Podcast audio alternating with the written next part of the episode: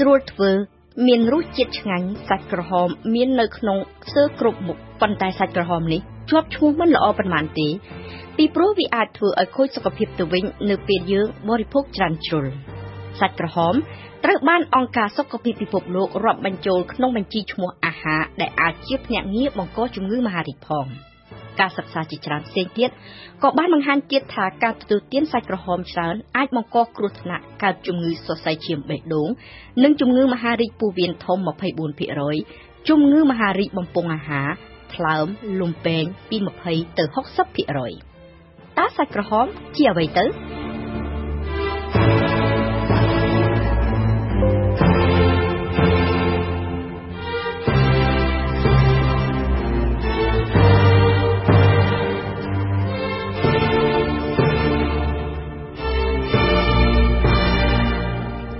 សម្រាប់សាធារណជនទូទៅ និងអ្នកជំនាញមុខម្ហូបសាច់ក្រហម គឺជាសាច់សត្វដែលមានពណ៌ក្រហមពោលគឺសាច់គោសាច់ក្របីសាច់ចៀមសាច់ពពែ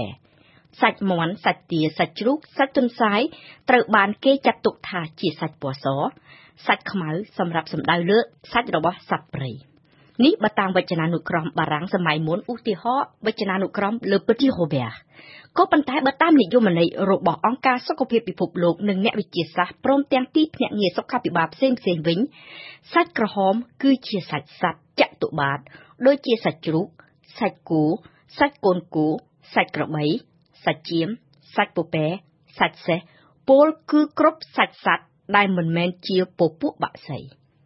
សាច់កែច្នៃដើម្បីធ្វើជាសាច់ក្រកហតដកសាច់ញាតសាច់កំប៉ុងត្រូវបានគេចាត់ទុកថាជាអាហារកែច្នៃដែលជាភ្នាក់ងារបង្កជំងឺមហារីកដែរពីព្រោះអាហារនេះមានលាយសាច់គោលបាយសាច់ជ្រូក សាច់មាន់សាច់ទាឬក៏គ្រឿងក្នុងរបស់សត្វ ពីព្រោះសម្រាប់មជ្ឈមណ្ឌលស្រាវជ្រាវជំងឺមហារីកអន្តរជាតិសាច់ផ្អាប់សាច់ប្រឡាក់សាច់ក្រៀមដោយវិធីត្រាំដោយវិធីឆ្អើរផ្សែងភ្លើងឬក៏ដោយវិធីផ្សេងណាក៏ដោយដើម្បីលើករសជាតិឬក៏ដើម្បីរក្សាទុកបានយូរត្រូវបានគេចាត់ទុកថាជាអាហារកែច្នៃទាំងអស់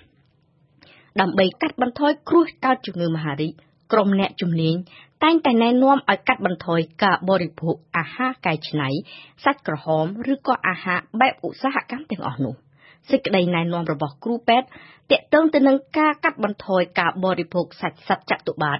ឬក៏សាច់ក្រហមនេះវាបានលន់លឺកាន់តែខ្លាំងឡើងខ្លាំងឡើងនិងច្រើនឡើងច្រើនឡើងក៏ប៉ុន្តែរហូតមកទល់នឹងពេលនេះគ្រូពេទ្យខ្លួនឯងផ្ទាល់ ក៏ពុំទាន់ច្បាស់និងមានភ័ស្តុតាងណាមួយមកលាតត្រដាងបង្ហាញអំពីការបំផ្លែងខ្លួនរបស់កោសិកាទៅជាជំងឺមហារីកតាមរយៈការទទួលទានសាច់ក្រហមច្រើននោះឡើយគ្មានអ្នកជំនាញណាយល់អំពីទំនាក់ទំនងនៃការទទួលទានសាច់និងជំងឺមហារីកពោះវៀនធំទេ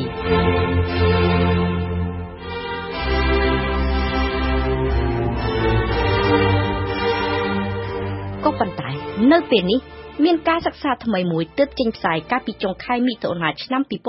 2021ក្នុងទស្សនាវដ្តីវិទ្យាសាស្ត្រ Cancer Discovery បានរកឃើញអំពីចំណងជីវសាស្ត្ររវាងការទទួលទានសាច់ក្រហម និងជំងឺមហារីកពោះវៀនធំបើតាមលទ្ធផលនៃការសិក្សា របបអាហារសម្បូរជាតិសាច់ក្រហម បង្កការខូចខាតដល់ ADN ឲ្យមានទម្រង់ប្លែកខុសពីគេ។ អ្នកស្រាវជ្រាវបានធ្វើសម្រង់ ADN របស់អ្នកជំងឺ900នាក់មានផ្ទុកជំងឺមហារីកពោះវៀនធំនៅក្នុងចំណោមអ្នកស្ម័គ្រចិត្តជាង280,000នាក់ដែលបានចូលរួមនៅក្នុងកម្មវិធីសិក្សាអស់រយៈពេលជាច្រើនឆ្នាំលទ្ធផលនៃការវិភាគបានបង្ហាញឲ្យឃើញថា ADN របស់អ្នកជំងឺទាំងអស់មានការបំប្លែកពិសេសប្លែកដោយពុំធ្លាប់កើតមានឃើញពីមុនទេ ការខូចខាតនេះគឺជាប្រតិកម្មគីមីបំប្លែងដែលមានឈ្មោះថា Acylation គ្រប់កោសិកាបំផ្លាញ Acylation មិនคล้ายទៅជាកោសិកាមហារីកទាំងអស់ទេក៏ប៉ុន្តែប្រតិកម្មបំផ្លាញនេះមានពាក់ព័ន្ធខ្លាំងណាស់ទៅនឹងការទទួលទានសាច់ក្រហមបើទោះបីជាសាច់ក្រហមនោះជាសាច់មិនមែនកែច្នៃឬក៏ជាសាច់កែច្នៃក៏ដោយហើយបើប្រៀបធៀបទៅនឹងពេលមុនលេចរោគសញ្ញាមហារីកផ្ទុយទៅវិញ ADN នេះគ្មានការបំផ្លាញខូចខាតសោះចំពោះអ្នកដែលមានរបបអាហារចូលចិត្តទទួលទានតែសាច់មាន់ឬក៏សាច់ត្រី។ ដូច្នេះមូលហេតុគឺទំនងបណ្ដាលមកពីសាច់ក្រហម មានសមាសធាតុផ្សំគីមីដែលអាចបង្កឲ្យមានប្រតិកម្មអាគីឡាស្យុងសមាសធាតុគីមីនោះគឺអាចជាជាតិដែកដ៏សម្បូរបែបនៅក្នុងសាច់ក្រហមឬក៏ជាតិនីត្រាតដែលមានប្រាយច្រើននៅក្នុងអាហារកែច្នៃប្រតិកម្មនិងការបំផ្លាញមានខ្លាំងជាងគេគឺនៅត្រង់ពោះវៀនធំផ្នែកខាងស្ដាំនិងចុងបំផុតដែលជាផ្នែកងាយមានកោសិកាមហារីក ចំពោះអ្នកជំងឺដែលទទួលទានសាច់ក្រហមច្រើនប្រតិកម្មអាគីឡាស្យុងមានពាក់ព័ន្ធខ្លាំងណាស់ដែរទៅនឹងលទ្ធភាពនៃការជាសះស្បើយពីជំងឺមហារីកឬក៏លទ្ធភាពរួចពីស្លាប់របស់អ្នកជំងឺមហារីកអ្នកជំងឺណាមាន ADN ខូចខាតខ្លាំងដោយអាគីឡាស្យុងអ្នកជំងឺនោះ មានគ្រោះហានិភ័យស្លាប់កើនឡើងដល់ទៅ47%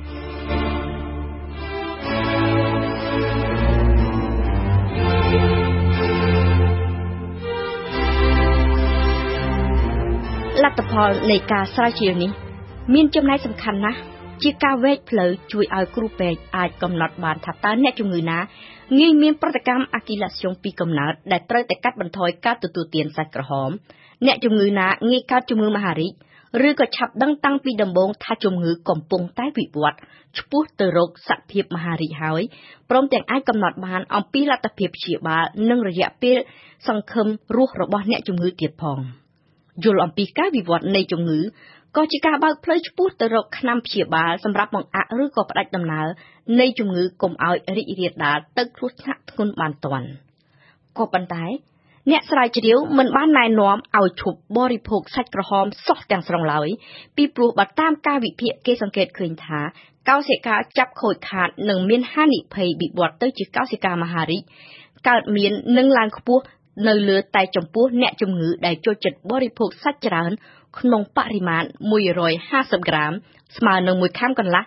ជាមធ្យមក្នុងមួយថ្ងៃតែប៉ុណ្ណោះដើម្បីបានសារជាតិប្រូតេអ៊ីនមកចិញ្ចឹមរាងកាយសូមជ្រើសរើសបរិភោគសាច់សដែលផ្ទុយពីសាច់ក្រហម មានអំណាចការពារសុខភាពមនុស្សទៅវិញ ការទទួលទាន សាច់បាក់សាបាក់សីច្រើន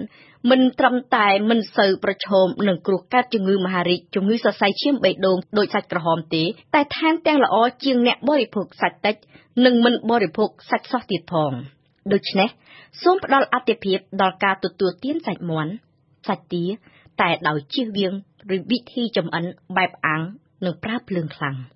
អ្នកវិទ្យាសាស្ត្រមិនទាន់អាចពន្យល់អំពីផលល្អនៃសាច់សនេះបាននៅឡើយទេសម្រាប់ពេលនេះ ក៏ប៉ុន្តែទោះជាយ៉ាងណាក្តីក៏សូមលោកអ្នកអាចជ្រើសរើសយកជាតិប្រូតេអ៊ីនក្រៅអំពីសាច់បានទៀតដោយទទួលទានត្រីស៊ុតឬក៏អាហារធ្វើពីជាតិទឹកដោះអាហារធ្វើពីពពួកសណ្ដែកលោកអ្នកនាងជ្រាបទេអង្គ4កំប៉ុងដាំជាមួយបាយ